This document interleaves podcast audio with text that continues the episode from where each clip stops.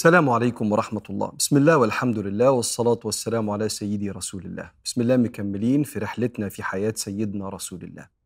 إحنا وصلنا لتقريبا النصف الثاني من سنة ثلاثة من بعد هجرة النبي. سيدنا رسول الله بعث وهو عنده 40 سنة قعد 13 سنة في مكة ثم هاجر وبعد أي ثلاث سنين يبقى سيدنا النبي عليه الصلاة والسلام 13 و3 56 سنة. يجي له وحي صلى الله عليه وآله وسلم إن في تجهيزات في مكة لإخراج عدد كبير جدا من المشركين للانتقام مما حصل السنة اللي فاتت تقريبا من سنة في غزوة بدر أو في موقعة بدر. ويوصل لسيدنا النبي عليه الصلاة والسلام إن التجهيزات مختلفة تماما المرة دي. وكان قبلها بيوم صلى الله عليه وسلم يرى رؤية ورؤية الأنبياء حق. حق يعني وحي. إنه لابس درع حصينة. درع يعني زي سديري كده كبير كده من الحديد بيحمي المقاتل بيه نفسه. درع حصينة. فالنبي فسرها إن دي المدينة إن أنا محتاج أحتمي بالمدينة. وإن السيف بتاعه فيه حتة مكسورة منه وإن في بقر بيقتل أو يذبح.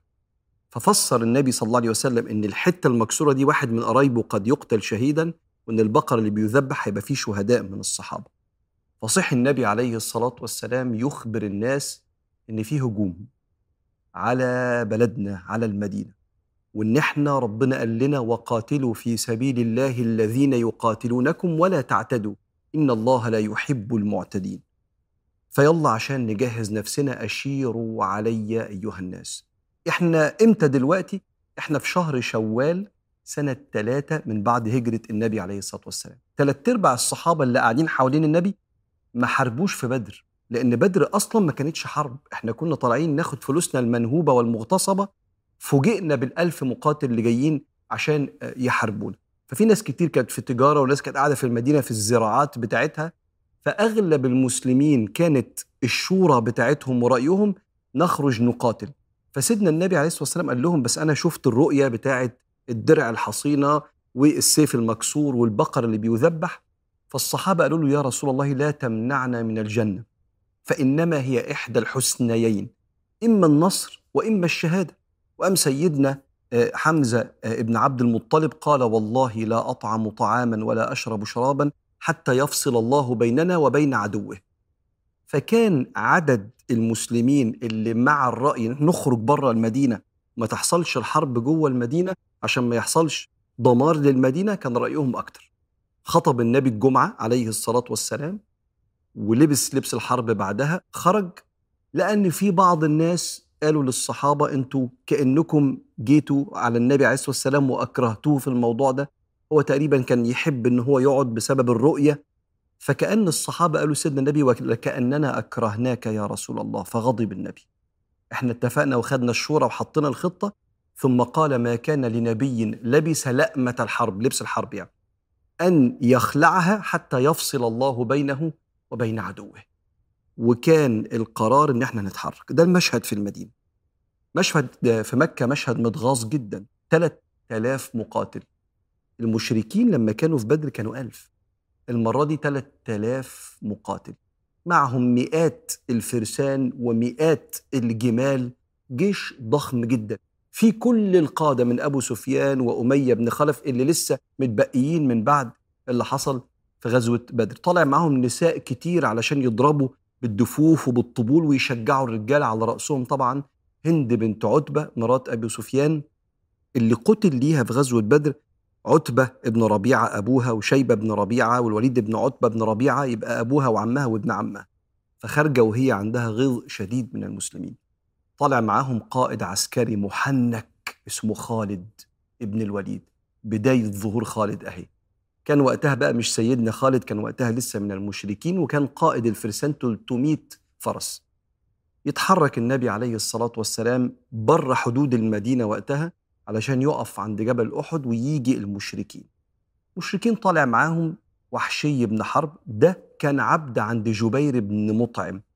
وجبير بن مطعم وهند بنت عتبة اتفقوا معاه لو قتل حمزة هيبقى حر. والعبيد زمان كانوا بيتهانوا جدا فلما تقول لي هبقى حر أنا أعمل أي حاجة في سبيل حريتي. وكان خارج أيضا واحد اسمه عبد الله بن قمئة وده كان ما بيحبش سيدنا محمد عليه الصلاة والسلام. هو ما بيحبش أي حاجة أصلا فيها خير يعني. وكان طالع ومعاه فرسان وكل هدفه إنه يبقى سيد مكة إيه يقتل النبي عليه الصلاة والسلام فيرجع يبقى سيد مكة ووعدوه بكده فكان طالع معاه زي حرس كده علشان يقتل سيدنا النبي عليه الصلاة والسلام. وصل سيدنا النبي عند منطقة أحد ووصل المشركين كمان. وقبل ما يوصلوا عند الجبل انسحب 300 منافق بقيادة عبد الله بن أبي بن سلول رأس المنافقين. قال لهم النبي أطاعهم وعصاني وبعدين أنا شايف إن مش هيحصل حرب. ويجي سيدنا عبد الله بن حرام الصحابي الأنصاري العظيم يقول له تعالى اسند معانا وحارب معانا. قال تعالى وليعلم الذين نافقوا. يعلم يعني يظهر. وليعلم الذين نافقوا. وقيل لهم تعالوا قاتلوا في سبيل الله أو ادفعوا. قالوا لو نعلم قتالا لاتبعناكم. ما فيش حرب هتحصل أصلا. هم للكفر يومئذ أقرب منهم للإيمان. ويظهر المنافقين ويتكسر الجيش بتاعنا في تلت الجيش. ويصبح عدد المسلمين قبل بداية الحرب بس 700 يلفت نظرك الغل الشديد اللي كان عند قريش وقتها مشركي قريش وهم بيجهزوا 3000 مقاتل ثلاث أضعاف جنود بدر علشان ينتقموا من اللي حصل في بدر. وبالمناسبة الشخص العنيد اللي قافل قلبه لما الحياة بتهزمه وهو على باطل وهو عارف إنه على باطل يبقى عايز ينتقم. الشخص السوي لما الحياة بتهزمه يقعد يفكر إيه الغلطة اللي عندي ويصلح من نفسه ويبقى هزائم الحياة معلم ليه. المشركين في قريش اتهزموا في بدر وهم اللي طالعين يحاربوا هم سبب الحرب أصلا كان المفروض يرجعوا. لكن يبدو إن زي ما ربنا قال في القرآن سأصرف عن آياتي الذين يتكبرون في الأرض بغير الحق وإن يروا كل آية لا يؤمنوا بها. وإن يروا سبيل الرشد لا يتخذوه سبيلا. وإن يروا سبيل الغي يتخذوه سبيلا. الغلط هنمشي فيه. عشان كده مهم لما الحياة تهزمك راجع نفسك. أنا صح؟ آه يبقى الحمد لله. أتعلم من أخطائي وأكمل.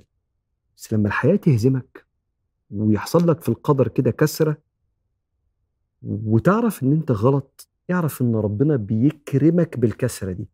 فتتألم لتتعلم وتتغير. مش تتألم لتهند.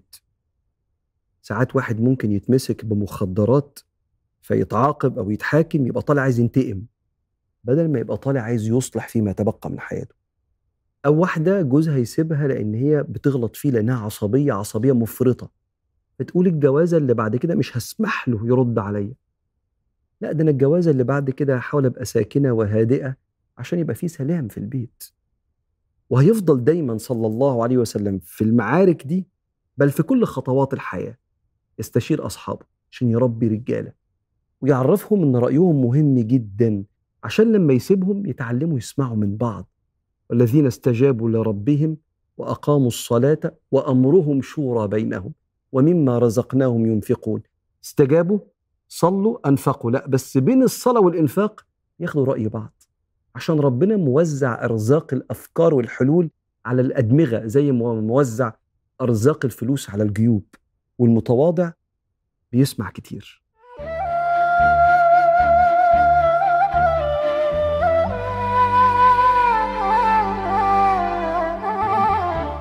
كده إحنا النهارده يوم السبت 17 شوال سنة 3 هجريا 700 مقاتل من أهل المدينة مع سيدنا رسول الله بيدافعوا عن بلادهم وعن عقيدتهم من هجوم 3000 مقاتل من المشركين اللي جايين ينتقموا. نبي صف الجيش وبعدين صلى الله عليه وسلم طلع السيف بتاعه وقال من يأخذ هذا السيف بحقه.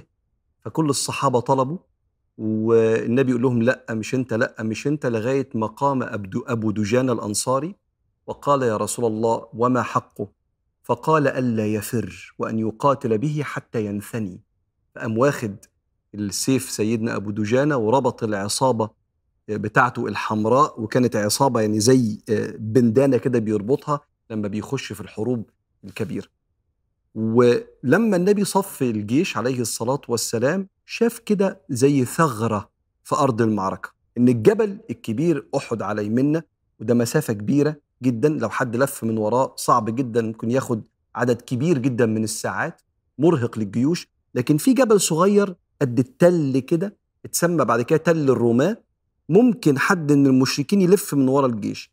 فوقف عليه خمسين رامي بالسهم بقيادة سيدنا عبد الله بن جبير وقال لهم كلمتين في منتهى الوضوح.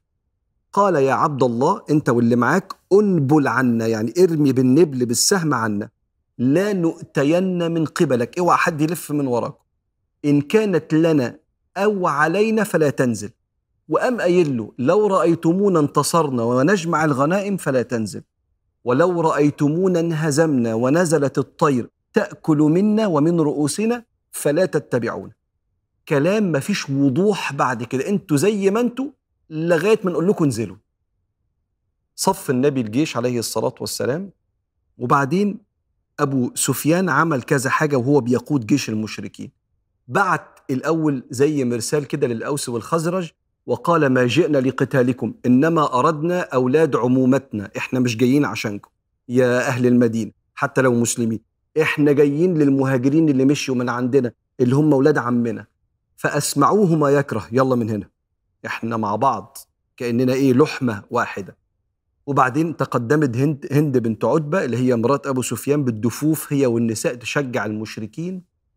وبعدين أبو سفيان قام قايل لبني عبد الدار اللي هم ماسكين اللواء. اللواء ده زي علم كبير كده ولو اللواء ده اتحرك الجيش بيتحرك معاه. لو سقط على الأرض معناها هزيمة الجيش. فقال لهم يا بني عبد الدار أنتوا كنتوا ماسكين اللواء السنة اللي فاتت في بدر واتهزمنا ناويين على إيه؟ فقالوا والله لا نفر يا أبا سفيان. إحنا المرة دي بقى الغيظ حاجة تانية خالص. والمرة دي هتبدأ الحرب بالتحام الجيشين من غير مبارزة في الأول. يتقدم جيش المشركين جيش كبير جدا 3000 وإحنا 700 بندافع عن بلدنا من الهجوم ده. وفي مقدمة جيش المشركين فارس شديد الشراسة اسمه طلحة بن أبي طلحة العبدري. وده من بني عبد الدار شايل اللواء وداخل على الحرب راكب ناقة كبيرة جدا شكله مرعب. فتقدم لي سيدنا الزبير ابن العوام وقفز قفزة وهو كان مشهور اللي يقرأ في سيرته إنه كان بينط عالي. وجابه من فوق إيه الناقة بتاعته وقتله وسقط اللواء. طبعا جري حد تاني من بني عبد الدار شال اللواء بس اللواء سقط قدام الجميع.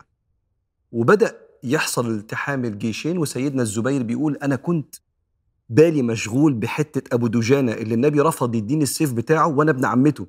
وادى لأبو دجانة هيعمل إيه بقى في الحرب؟ فقال فظللت أرقب أبو دجانة فإذا هو يشعر. يقول شعر أنا الذي عاهدني خليلي صلى الله عليه وسلم ونحن بالسفح لدى النخيل ألا أقوم الدهر في الكيول. الكيول اللي هي مؤخرة الجيش أضرب بسيف الله والرسول. بيقول لقيته بيشق صفوف المشركين وأنا وراه هو عمال يشقها يشقها ما بيسيبش حد في طريقه وهو بيدافع عن جيش المسلمين لغاية ما يوصل للنساء وسأله هو أنت ليه لما وصلت للنساء رجعت؟ قال أكرمت سيف رسول الله صلى الله عليه وسلم أن أقتل به امرأة. وكان سيدنا النبي عليه الصلاة والسلام ينهاهم عن قتل النساء أو الأطفال زي ما هجي لك بعد كده في قواعد الحرب اللي النبي علمها له صلى الله عليه وسلم. عايز أفكرك بحاجة. عايز أفكرك إن ده جيش ثلاث أضعافنا أو أكتر بيهجم على بلدنا وكل اللي أنت شايفه من البطولات دي هي ناس بتقول يا رب عايزة تعبد ربنا وأهم آية في دعوتهم ادعوا إلى سبيل ربك بالحكمة والموعظة الحسنة ولا إكراه في الدين. ودول مش سايبينهم في حالهم. وساعتها بتظهر بطولات الرجال والنساء اللي بتسند دعوة سيدنا النبي عليه الصلاة والسلام ودعوة ربنا وبيظهر ساعتها الضعيف المنافق اللي وقت الجد ما بيشيلش بكتافه. الحرب كانت طاحنة حرب أحد. وأنت لو ما عندكش حرب في بلادك وعايش في الأمان لا عندك حرب على الأوطان ولا حرب على الأديان احمد ربنا وخلي جهادك تحت تعريف العلماء. الجهاد هو بذل المجهود لتحقيق المقصود. فلو ما فيش حرب في ميادين كتيرة تقدر تحارب فيها. لما سيدنا النبي عليه الصلاة والسلام شاف واحد قوي وعضلات فالصحابة قالوا يا لو ده بيحارب معانا لو كان هذا في سبيل الله. فقال صلى الله عليه وسلم بينور لهم حياتهم وفكرهم تجاه الجهاد. قال لو كان خرج من بيته اللي أنتم شايفينه في الشارع ده لو كان خرج من بيته يسعى على نفسه ليعفه عشان ما يمدش إيده للحرام فبيشتغل فهو في سبيل الله.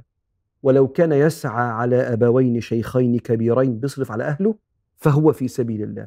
ولو كان يسعى على ولد صغار حتى يطعمهم فهو في سبيل الله. فأنت اللي بيذاكر واللي بيشتغل واللي بتربي وأي حد بيعمل حاجة نافعة بيبذل فيها مجهود لتحقيق مقصود الله يحبه ويرضى عنه ورسوله هو ده الجهاد في سبيل الله. بتعريف العلماء لا علماء إيه ده بتعريف سيدنا النبي عليه الصلاة والسلام النور. حاجة التانية شفت الحرب المنافقين الجبنة جريوا إزاي؟ المواقف بتبين المعادن والهزات اللي زي دي ابتلاء الابتلاء يعني موقف يظهر الحقيقة اختبار موقف يظهر الخبر. فالاختبارات والابتلاءات دي بتبين حقائق مهم إنك تشوفها عشان كده ما تستغربش. تحصل اختبارات اولا تبين لك حقيقتك أنت جدع ولا بس كلام فتراجع الصفة دي في نفسك. اللي حواليك هيقف جنبك ولا بس كده حبايب على القهوة لكن وقت الجد ما لاقيش حد جنبي؟ مهم. بس ابقى دور على نفسك الأول في المواقف اللي زي دي. هل أنا زي ما أنا بقول وبدعي؟ ولا أنا محتاج أراجع قيمي في الاختبارات طلعت أقل من تصوراتي عن نفسي؟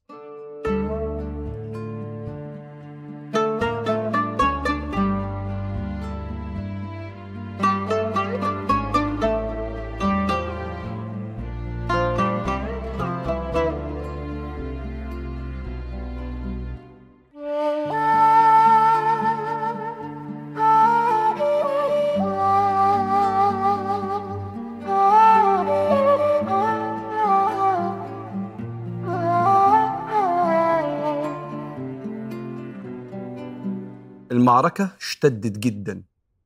وسيدنا خالد ولسه ما كانش أسلم وقتها خالد بن الوليد مش عارف يتحرك بال 300 فرس مشلول. ليه؟ هو بيبص على التل وعنده بسرعة في عقله. لو اتحركت ال 50 رامي دول يخلصوا علينا بسرعة جدا. وفعلا حاول إنه يتحرك ويطلع على التل أو يلف من وراه. جاله كذا سهم قتل كذا حد عنده من الفرسان. فرجع سيدنا خالد بن الوليد ولم يكن وقتها قد أسلم. وبدأت المعركة يحصل فيها تقدم للمسلمين ومدد. وقتها بيحكي وحشي بن حرب بيحكي القصة دي بعد ما أسلم. بيقول أنا خرجت أطلب حريتي. أنت عايز إيه؟ عايز أموت حمزة. بيقول وكنت رامي ماهر جدا فنظرت إلى حمزة فرأيته كالجمل الأورق أكنه زي الجمل الضخم يهد الناس هدا لا يقوم له شيء. ماشي بيشق الصفوف في منتهى القوة. أسد الله. فعلمت أني لا أقتله إلا غيلة. ده ما أقدرش أواجهه وجها لوجه لازم من ظهره. خلصت القصة هنا هكملها لك بعد شوية. وبدأ يفر المشركين ويتجهوا بظهرهم كده تجاه مكة بيرجعوا لورا. وهند بنت عتبة بتدق الطبول وتشتمهم إن هم جبنة وهم عمالين يرجعوا لغاية ما بدأوا يلفوا ويدوا ظهرهم للمعركة ويجروا.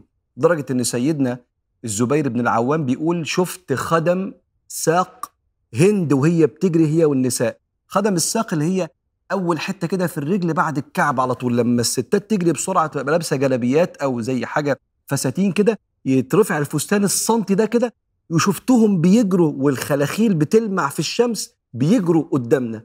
وكنا سنأخذهم لكن ما خدناهمش أسرى وفي وسط المشهد ده القرآن بيقول ولقد صدقكم الله وعده إذ تحسونهم بإذنه. تحسونهم يعني ربنا مكنكم منهم.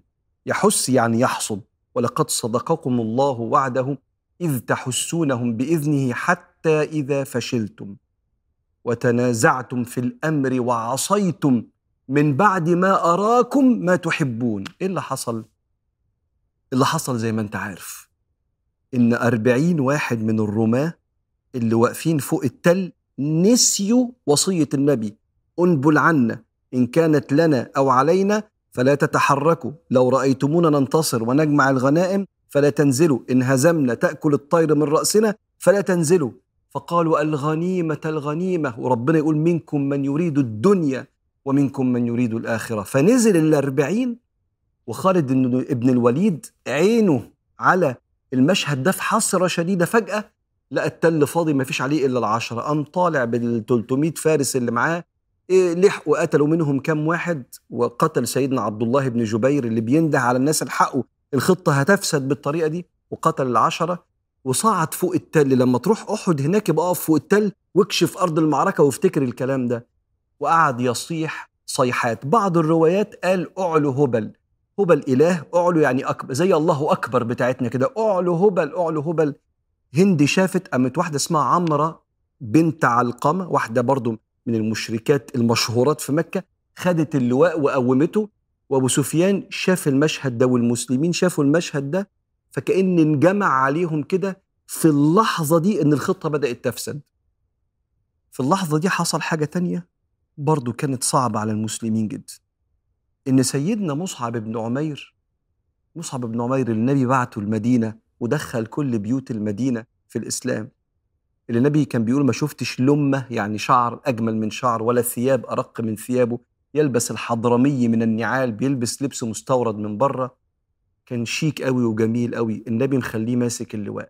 جه عبد الله بن قمئة مش فاكر شكل النبي فافتكر إن النبي هو اللي شايل اللواء.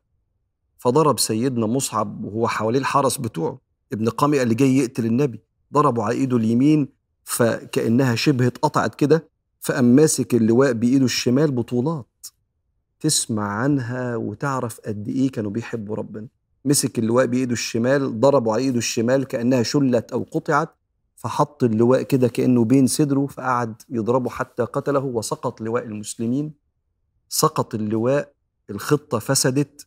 لما ابن قمئة في وسط الزحمة كده قتل سيدنا مصعب بن عمير قال قتلت محمدا قتلت محمدا. والنبي ورا بيجهز الصفوف يقول إلي عباد الله أنا رسول الله. في وسط الهوجة دي انجمع على كتير من المسلمين إن النبي قتل مش شايفينه.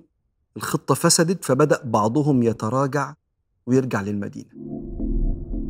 نزول الرماة ومعصيتهم لسيدنا رسول الله عليه الصلاة والسلام ده طلب للدنيا. الدنيا المذمومة في القرآن مش إن أنا آكل أكلة حلوة وألبس آه، لبس متكلف وغالي وأعيش في بيت كويس. أصلا ده حلال ربنا يحب يشوفني بعمله. إن الله يحب أن يرى أثر نعمته على عبده. فربنا يحب يشوفك متنعم. الدنيا هو طلب الحاجات دي بمعصية الله أو الانشغال بالحاجات دي عن فرائض الله. المهم إن أنا بكسر كلام النبي. الأربعين صحابي هنا والأخطاء اللي حصلت في زمن الصحابة نعمة عليهم وعلينا. عليهم عشان النبي يقول لهم فيتنوروا وعلينا علشان هم الجيل اللي حصل فيهم كل المواقف اللي نزل فيها آيات قرآنية وتوجيهات نبوية تنور لنا إحنا كمان حياتنا. الصحابة الأربعين دول استعجلوا على رزقهم وعصوا النبي عليه الصلاة والسلام. اللي كان كلامه واضح أنتوا تقفوا هنا عشان خالد ما يلفش وتنبلوا عننا واحد. لو كانت لنا أو كانت علينا ما تنزلوش. لو رأيتونا الطير تأكل من رأسنا لو اتغلبنا أو بنجمع الغنايم وفرحانين أنت فوق لغاية ما أقول لك انزل. معصية أمر النبي شؤم. ليه؟ لأن النبي ما عندوش غرض ما عندوش مصلحة. لما بيأمر بحاجة بتبقى نور لينا إحنا. مش عشان مصلحته ولا عشان نفع ربنا. ربنا لا ينتفع بالخلق. ربنا مستغني اسمه الغني المغني. مش اللي عايز مننا حاجة سبحانه وتعالى. وبالتالي لما الدكتور يقول لي خد الدواء وما خدوش أنا اللي هتأذي. شفائي هيتأخر أو المرض هيتضاعف. فلما سيدنا رسول الله يقول لي يمين أقول له حاضر عشاني. مش عشانه. عشانه طبعا عشان أحب إن هو يبقى راضي عني. بس هو بيأمرني ويفرح لي لما أبقى ماشي على كلام ربنا في أنوار ربنا سبحانه وتعالى.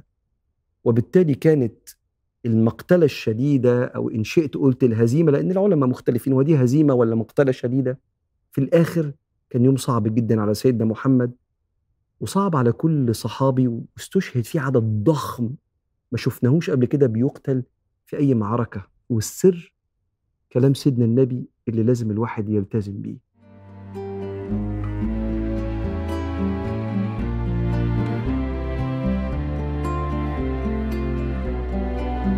المشهد دلوقتي إن خالد بن الوليد بال 300 فرس أو ما تبقى منهم بيلف حوالين تل الرماة وبيجي من ورا الجيش. ورا الجيش سيدنا رسول الله في مجموعة صغيرة من الصحابة بيصف الجيش اللي حصل فيه ارتباك شديد من رجوع المشركين بعد معرفتهم إن خالد أفسد الخطة اللي المسلمين كانوا حاطينها. جزء من المسلمين فاكر إن النبي عليه الصلاة والسلام قتل فبدأ يتحرك ناحية المدينة علشان يحمي المدينة. سيدنا أبو بكر وسيدنا عمر في وسط الهوجة دي بيدوروا على سيدنا النبي عليه الصلاة والسلام والنبي يقول إلي عباد الله أنا رسول الله. ودي قمة الشجاعة إنه يعلن عن نفسه إنه لسه حي عليه الصلاة والسلام ويقول كتير من المشركين مش عارفين شكل النبي عليه الصلاة والسلام. إلي عباد الله أنا رسول الله. وأول واحد يقف قدام سيدنا النبي حوالي تقريبا سبعة أو ثمانيه من الأنصار. يدافع عن النبي يقتل يدافع عن النبي يقتل يدافع عن النبي لغاية ما جه عمارة ابن يزيد ابن السكن وفضل يقاتل قتال شديد أمام سيدنا النبي عليه الصلاة والسلام لغاية ما وقع وهو مثخن بالجراح وسيدنا النبي عليه الصلاة والسلام ينظر ليه ويجيب راسه يحطها على رجله كده وكأنه عارف إن هو بيستشهد دلوقتي ومات فعلا انتقل عمارة بن يزيد بن السكن ورأسه على حجر النبي عليه الصلاة والسلام. ثم بعد كده مشهد غريب جدا العين تيجي في العين سيدنا سعد بن أبي وقاص وعتبة بن أبي وقاص، عتبة من المشركين ماسك طوب وعمال يرميه على النبي وعلى المجموعة الصغيرة اللي حواليه وسيدنا سعد كان من أمهر الرماة. فالنبي يقول له ارمي سعد ارمي سعد من يدفعهم عنا وله الجنة ارمي فداك أبي وأمي يا سعد. فكان الشخص الوحيد اللي النبي جمع جمع ليه أبوه وأمه جمع ليه في اللغة العربية يعني قال له فداك أبي وأمي. الناس كلها كانت تقول لسيدنا النبي فداك أبي وأمي يا رسول الله إلا سعد. النبي هو اللي قال له فداك أبي وأمي ارمي عنا ودافع عنا يا سعد. أما من الأبطال الشداد اللي ظهروا في المشهد ده اللي فيه ارتباك شديد ده سيدنا طلحة بن عبيد الله الأنصاري. كان واقف حوالين سيدنا النبي عليه الصلاة والسلام وعمال يحط جسمه قدام جسم النبي ويقول له يا رسول الله اخفض رأسك حتى لا يصيبك سهم. نحري دون نحرك يا رسول الله. انت رقبتك تسوى الدنيا كلها والآخرة. أما أنا فأنا واحد من رجالتك. نحري دون نحرك يا رسول الله. وقام حاطط إيده كده قدامه فجه سهم أصاب إيد سيدنا طلحة فشلت إيد سيدنا طلحة فسماه النبي في اليوم ده طلحه الخير. الخير كله عندك أنت يا طلحة. وجه سيدنا أبو بكر الصديق وسيدنا عمر ابن الخطاب ولكن من أكتر من دافع عن النبي في اليوم ده السيدة أم عمارة واحدة من مقاتلات جيش سيدنا النبي عليه الصلاة والسلام. النبي بيقول كده لا أنظر أمامي أو يميني أو شمالي في كل اتجاهات فلا أرى إلا أم عمارة تقاتل بسيفها. وفي وسط القتال وسيدنا النبي بينظر ليها بمحبة ومباركة إنك أنت ب راجل زي ما الناس بتقول تقول له يا رسول الله أدعو الله لي أن أكون معك في الجنة. فيقول لها أنت معي في الجنة. مفيش واحد كان حوالين سيدنا النبي عليه الصلاة والسلام إلا ونسي روحه في سبيل الحفاظ على نور النبي في وسط معصية الرماة اللي بسببها انقلب الحال وهيستشهد دلوقتي سبعين من أعظم خلق الله من الصحابة. لو سألت نفسك إيه ذنب الجيش في معصية الأربعين؟ يعني الأربعين عصوا وبقية الجيش السبعمية كلهم كانوا في منتهى الشجاعة والإقدام والتضحية. ليه يدفعوا ثمن معصية الأربعين؟ أول حاجة هقولها لك قف أيها العقل عند منتهاك. يعني ممكن ما تدركش الحكمة. فسلم لأقدار ربنا اللي أوسع بكتير من إحاطتك وإدراكك. لأنك هتشوف ده في حياتك. هتشوف في حياتك إنك أنت مسير في أقدار الله ومخير في رد فعلك معاه فأنت ذنبك إيه إن أبوك وأمك كانوا بيضربوا بعض وأنت صغير وشفت الكلام ده؟ ذنبك إيه؟ ذنبك إنك طلعت في عيلة بسيطة ممكن تكون ما علمتكش؟ ذنبك إيه؟ ذنبك إيه إنك طلعت في عيلة غنية جدا وفيها طرف وشرب ذنبك إيه؟ أنت مسير في أقدارك اللي حواليك ورقة الامتحان بتاعتك إنك مخير تعمل رد فعل. هل هتبقى ضحية ربنا جوه في قلبك كده؟ ليه ربنا عمل معايا كده؟ فتتهم ربنا إنه ظلمك فتلاقي ربك بيرد عليك. إن الله لا يظلم الناس شيئا ولكن الناس أنفسهم يظلمون.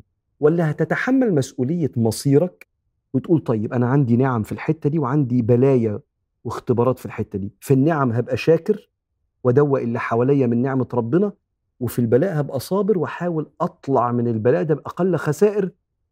ولما بتتعصر زي الليمونة كده بتنزل أحلى طعم. وساعات كتير ممكن تبقى في بيت الصرف فيه في الفلوس فيه تبذير وتتفاجئ إنهم في أرابيزك زي ما بيقول. أنت المسؤول دلوقتي إنك تصلح مشاكل حد صرف فلوس غلط وتسدد دينه أخوك ولا أبوك ولا. وأنا مال أنا؟ ربنا بينفق لك فلوسك في أعلى حاجة ممكن تنفقها. وأنا مالي أنا؟ إن إخواتي طلعوا بيتخانقوا وأنا بحاول أصلح ما أنا مالي؟ لا مش مالك. دي أعظم حاجة ممكن تقابل بيها ربنا اصلاح ذات البين طيب وأنا مالي؟ مش عارف لو أنا جيت في زمن كان فيه الحرب العالمية الثانية ولا جيت أيام النبي وقت الحرب ما أنت مسير في الزمن اللي بتتخلق فيه حتى. بس مخير هتعمل إيه؟ عشان كده الصحابة اللي اتعاصروا لو صح التعبير مني يعني في الغزوة دي نزل منهم أحلى رحيق ونصرة للنبي. منهم اللي كمل ومنهم اللي ربنا اصطفاه شهيد. يروح يستنى النبي عند أبواب الجنة أحياء عند ربهم يرزقون. فواجه أقدارك باختيارك. إنك تختار هتعمل إيه في النعمة وتختار تعمل إيه في المحنة. وما أصابكم يوم التقى الجمعان فبإذن الله فبإذن الله وليعلم المؤمنين وليعلم الذين نافقوا. وقيل لهم تعالوا قاتلوا في سبيل الله أو ادفعوا. قالوا لو نعلم قتالا لاتبعناكم. هم للكفر يومئذ أقرب منهم للإيمان. يقولون بأفواههم ما ليس في قلوبهم. والله أعلم بما يكتمون. الذين قالوا لإخوانهم وقعدوا لو أطاعونا ما قتلوا قل فادرءوا عن أنفسكم الموت قل فادرءوا عن أنفسكم الموت إن كنتم صادقين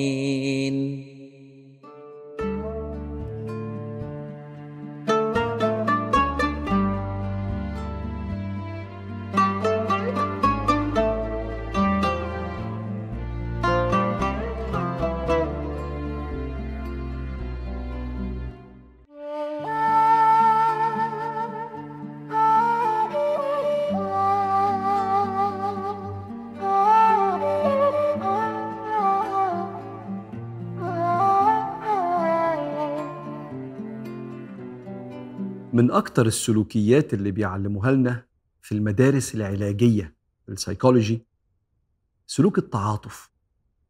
إنك تبقى متفهم احتياجات اللي قدامك ومتفهم ضعفه ومتفهم إنه ممكن يكون في رحلة حياته محدش علمه الموضوع ده ومتفهم اندفاعه الدوافع البشرية اللي بتخلي البني آدم يبقى عنده احتياجات أو تصدر منه تصرفات هو نفسه يبقى منزعج منها ونفسه يصلحها. انت كإنسان بتساعد الناس في رحلته العلاجية لازم ما يبقاش عندك غضب ومرارة من تصرفاته.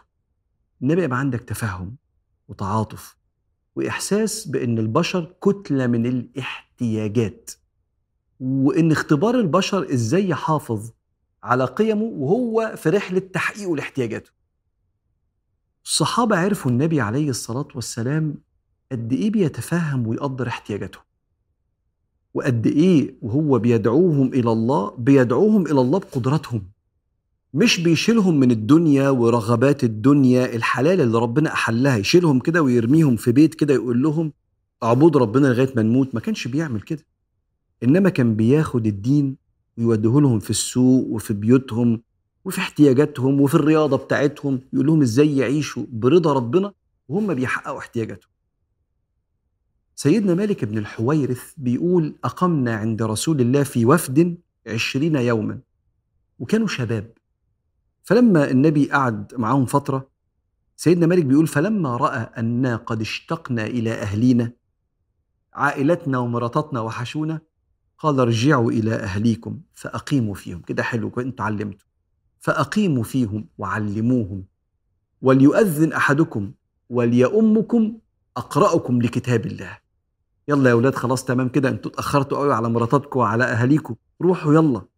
ما تخليكوا قاعدين جنب النبي أنا أقول يعني. تخليكوا قاعدين شهر واثنين وعشرة. وانت الطول تتعلم تقعد تحت رجل النبي. لا النبي متفهم. شباب صغيرين لسه متجوزين. أو اللي عنده أهله اللي بيخدم عليهم فعندهم احتياجات وهو متفهم. هم شافوا ده. وده يفهمك ليه النبي يعني سامح حاطب ابن أبي بلتعة. الصحابي لما قريش نقضت الصلح صلح الحديبية وبعد سنتين والصلح كان مدته عشرة. النبي طلع بجيش عشرة آلاف مقاتل بس ما كانش عايز يقول هو رايح فين. عشان مكة ما تعرفش فما يجهزوش جيش لأنه عايز يحقن الدماء فعايز يفاجئهم. فلما يفاجئهم يقول لهم اذهبوا أنتم الطلقاء ويسامحهم ويشيل الأصنام من حوالين الكعبة من غير حرب. حاطب ابن أبي بلتعة عرف النبي رايح فين؟ بعت جواب هناك لمكة إلحقوا النبي جاي. وهو مسلم. مش مسلم بس ده من المسلمين ده من الأوائل ده شاهد بدر. فالنبي عرف اللي حصل. كان باعت جواب مع ست راكبة على بعير وبتتحرك من المدينة. قال لعلي بن أبي طالب روح هات لي الجواب ده. راح جاب الجواب من الست وطلع الجواب في مسجد قدام الصحابة الكبار اللي بيجهزوا عشان رايحين على مكة. إيه ده؟ ما هذا يا حاطب؟ قال يا رسول الله لحظة واحدة. والله ما عملت ده كفر بالإسلام. أنا يا رسول الله لي سبب. طبعا أنا بحكي لك الحكاية يعني باللغة البسيطة يعني. ما كفرت يا رسول الله ولكن. ما منكم من أحد إلا وله عشيرة يحفظون أهله في مكة. لو في حد من بقية عائلتكم موجود أنتوا أصلا جزء, جزء منكم كبير أصلا ليه عشيرة في مكة. فلما إحنا نيجي هم هيحموا العشيرة بتاعتهم. أما أنا فقد كنت حليفا لأهل مكة أصلا ما كنتش من هناك وعملت أسرة هناك وعيلة فأردت أن يكون لي عليهم يد حتى يحفظوني في أهلي. فقال صلى الله عليه وسلم اسمع قال صدقت. إن أنا متفاهم. صدقت.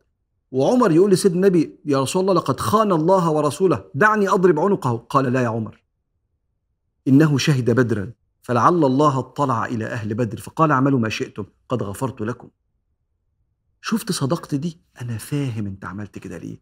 اسمها في عرف الدول والجيوش خيانة عظمى بيسرب سر للعدو.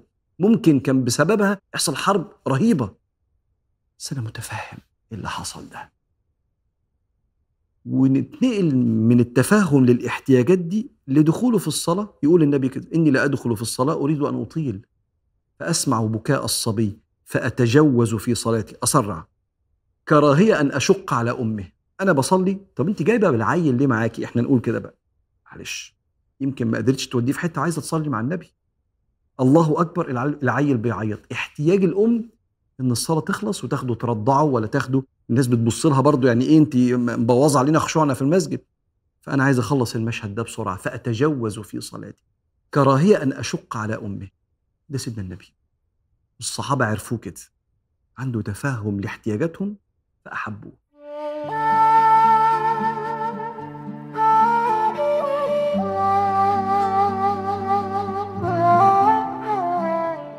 العبد الصالح صاحب واجب. ومن أهم الواجبات في علاقاتنا ببعض هو حضور جنائز بعض. لما حد حبيبك يموت له حد عزيز عليه بيحب يشوفك جنبه في وقت الجنازة. وبيبقى البني آدم آه، صاحب حالة الوفاة حتى لو ما قالش. بيدور بعينيه كده على الناس اللي بتخرج معاه وبتسهر معاه وبتسافر معاه وقعدات الضحك والأنس بس وقت الجد بيبقى محتاج نفس السند ده كده. وبالتالي سيدنا النبي عليه الصلاة والسلام شجعنا جدا وعلمنا آداب نبوية وسنن في حضور الجنائز. أولا عشان تبقى في ظهر أخوك ثانيا علشان تعمل الواجب ده زي ما ربنا يحب بالظبط. أول أدب من آداب الجنازة هم خمس آداب. الأدب الأولاني هو تكثير عدد المصلين. لما تعرف إن في حد حصلت له حالة وفاة بلغ المجموعة ابعت على الجروبس علشان الناس تيجي تصلي. لأن ده في جبر خاطر للميت نفسه اللي إحنا في معتقدنا بيبقى حاسس وسامع وزي ما سيدنا النبي علمنا عليه الصلاة والسلام. فلما يشهدوا ناس كتير بيطمن. ثانيا لأهل الميت لما يشوفوا المسجد مليان كده والناس موجودة فيشعروا بحقيقة السند ويطمنوا إن في ناس كتير هتدعي. ده غير بقى إن سيدنا النبي عليه الصلاة والسلام قال ما من مسلم يموت. فيشهده أربعون مصليا لا يشركون بالله شيئا إلا شفعهم الله فيه. لو في أربعين واحد بيصلوا صلاة الجنازة وبيدعوا بالمغفرة للشخص الميت ربنا يقبل دعائهم. الحمد لله أنا يعني أغلب الناس في الحتة دي أصحاب واجب والمساجد بتبقى مليانة. لدرجة إن سيدنا النبي عليه الصلاة والسلام لما ستنا أم محجن ودي اللي كانت بتنظف المسجد لما ماتت بالليل ما حبوش يزعجوا النبي عليه الصلاة والسلام فغسلوها ودفنوها. فلما صحي سأل عنها قالوا له يا رسول الله دي آه، توفيت ودفناها فقال هل آذنتموني؟ مش تقولوا لي يا جماعة؟ وراح عند قبرها الشريف وصلى عليها صلاة الجنازة. كأنه صلى الله عليه وآله وسلم لا حريص على شهود صلاة الجنازة وده الأدب التاني. الأدب التاني إنك أنت بقى نفسك ما تفوتش الصلاة. بلغت الناس كثرت الناس أنت نفسك روح صلي ما تكسلش وخد من وقتك. وحتى لو مسافة بعيدة. ليه؟ لأن سيدنا النبي عليه الصلاة والسلام قال من صلى الجنازة رجع بقيراط من الأجر مثل جبل أحد. أنت بترجع حاطط في ميزان حسناتك عدد من الحسنات قد جبل أحد اللي ارتفاعه تقريبا 1100 متر وتقريبا قطره أكتر من 20 كيلو. فأنت النهارده لما بتعمل واجب زي ده في جبر خاطر للحي وللميت كمان شوف ربنا بيكرمك إزاي. يبقى تكثير عدد المصلين بلغ الناس اتنين حضورك وحرصك على حضورك صلاة الجنازة. ثلاثة حاول إنك أنت تتعلم دعوة النبي عليه الصلاة والسلام لما كان بيدعي للميت. فاكر كده لما ساعات بتحضر جنازات تسمع دعاء بيتكرر كده المشايخ أو الناس اللي حافظين سنة النبي بيدعوا بيه. اللهم اغفر له وارحمه وعافه واعف عنه وأكرم نزله ووسع مدخله. واغسله من خطاياه بالثلج والماء والبرد وباعد بينه وبين خطاياه كما باعدت بين المشرق والمغرب. نقه من خطاياه كما ينقى الثوب الأبيض من الدنس. اللهم افسح له في قبره مد البصر. دعوات كان سيدنا النبي بيدعيها أنا بقول لك هي آداب نبوية وسنن منسية. مش عارف الدعوات دي ادعي باللي في قلبك وإن شاء الله مقبول. لكن جميل إنك أنت تتعلم لأن أنت في الآخر موضوع شهود الجنازة ده والدعاء للميت موضوع كبير.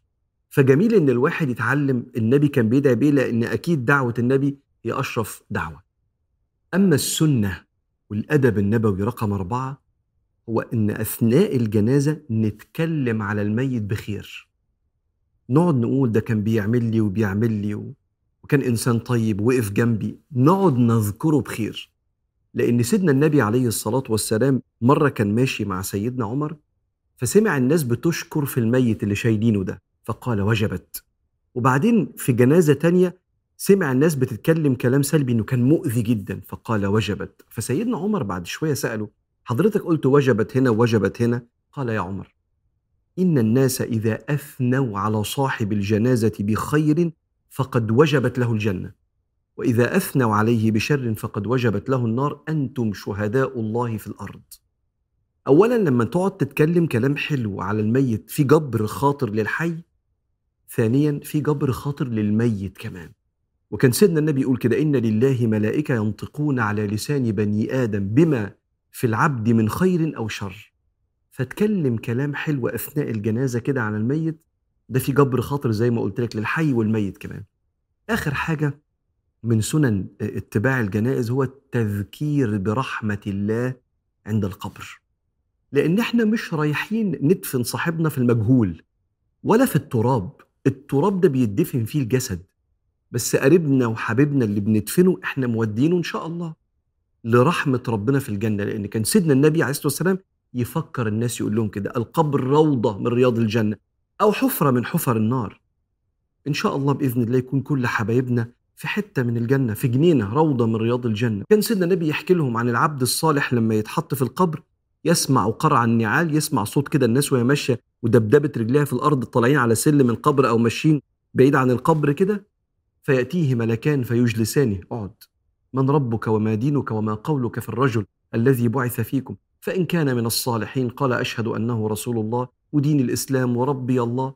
فربنا يقول للملائكة افسحوا لعبدي في قبره مد البصر وافرشوا له من الجنة.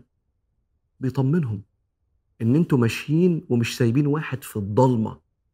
في التراب في الضيق إنما في رحمة ربنا الواسعة. فدول كانوا خمس آداب نبوية وسنن منسية من سنن اتباع الجنائز.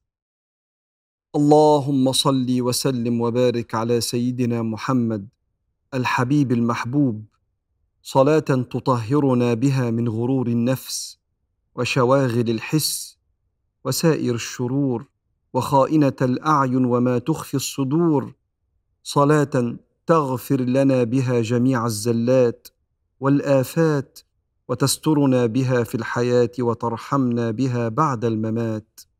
اللهم أكرمنا ولا تهنا وأعطنا ولا تحرمنا وزدنا ولا تنقصنا وأعنا ولا تعن علينا.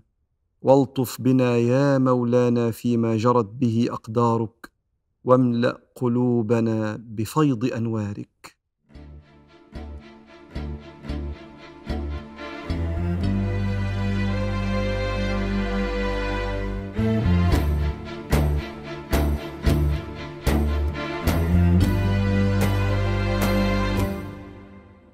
Lord.